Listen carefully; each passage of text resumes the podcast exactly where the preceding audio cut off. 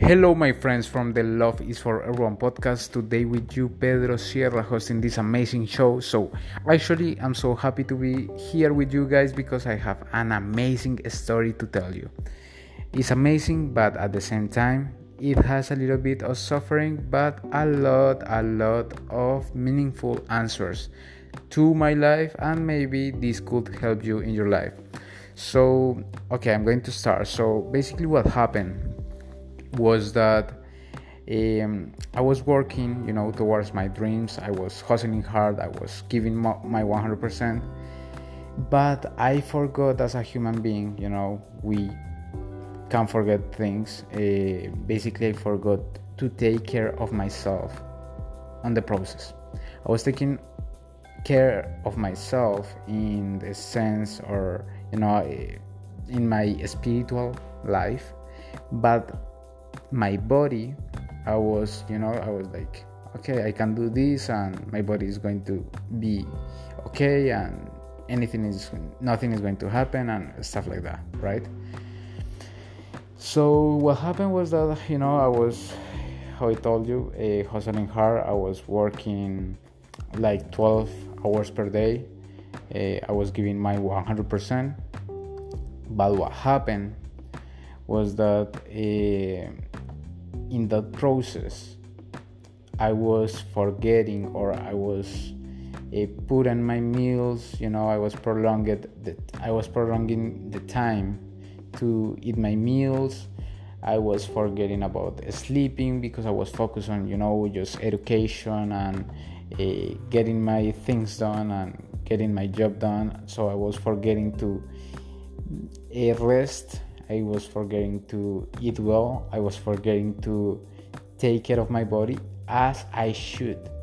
And on top of that, you know, I want to tell you these guys like I am diabetic. So, you know, it's a condition. I don't think that, you know, I have an illness. It's a condition. But yeah, so on top of that was that. So what happened was that, you know, uh, let's say today is Monday. Today I'm feeling really good. Nothing is bothering me uh, Tuesday, going Tuesday to Wednesday, everything go went backwards. Uh, I started having acidosis. Basically, it's like acid in your body, in your in your blood. Uh, I started throwing up crazy. Was really messy. The people that I was living in, like you know, like uh, uh, with I was living in, like yeah they saw me, you know, struggling with everything, uh, I, and I reached the point that I had to call the ambulance, you know, and when I called the ambulance was because uh, I was feeling that I was about to, you know, to to die, basically. Uh, this experience was a near death experience, so is at the moment one of the of the most the, of the most meaningful and most important experiences. But yes was horrible but at the same time i can tell you that was beautiful because of the lessons that i could get from that experience.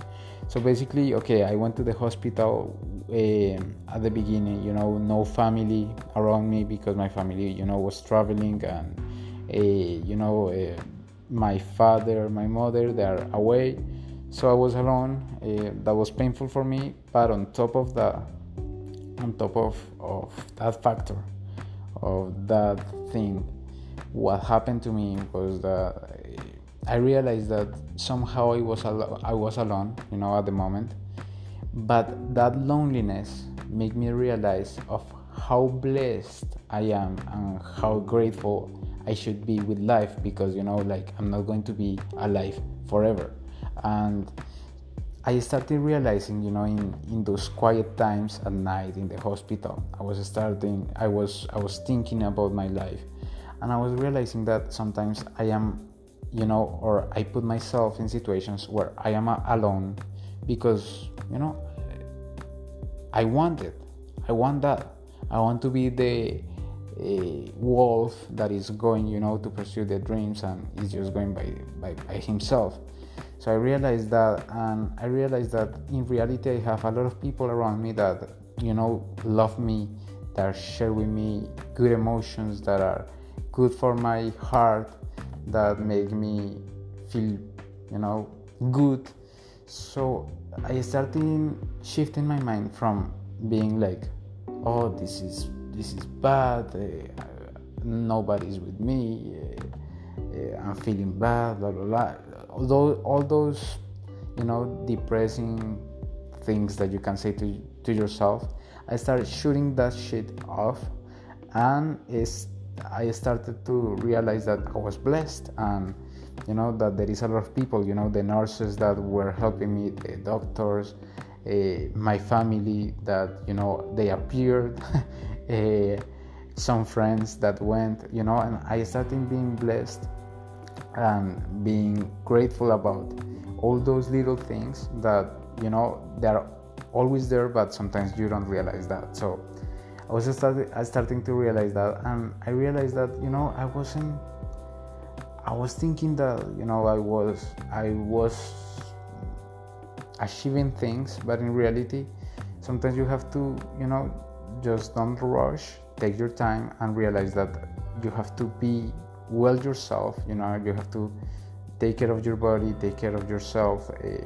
go out with people in order to you to be happy and to continue with life. Like life was giving me an advice like you cannot you cannot be so focused on you know making money or making your dreams come true.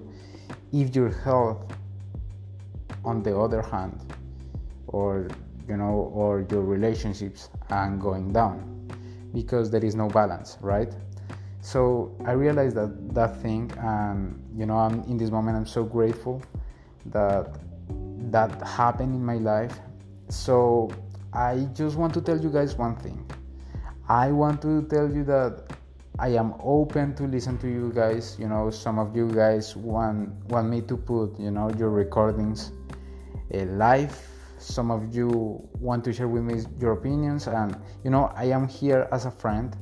I, I i am more than happy to receive you know your opinions about life what is happening to you. Maybe share you know some lessons that we have gathered along the along the path.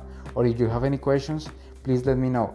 And thank you very much for listening to me. Uh, this is an amazing day. Wishing you the best the Love is for Everyone podcast. Bless you all.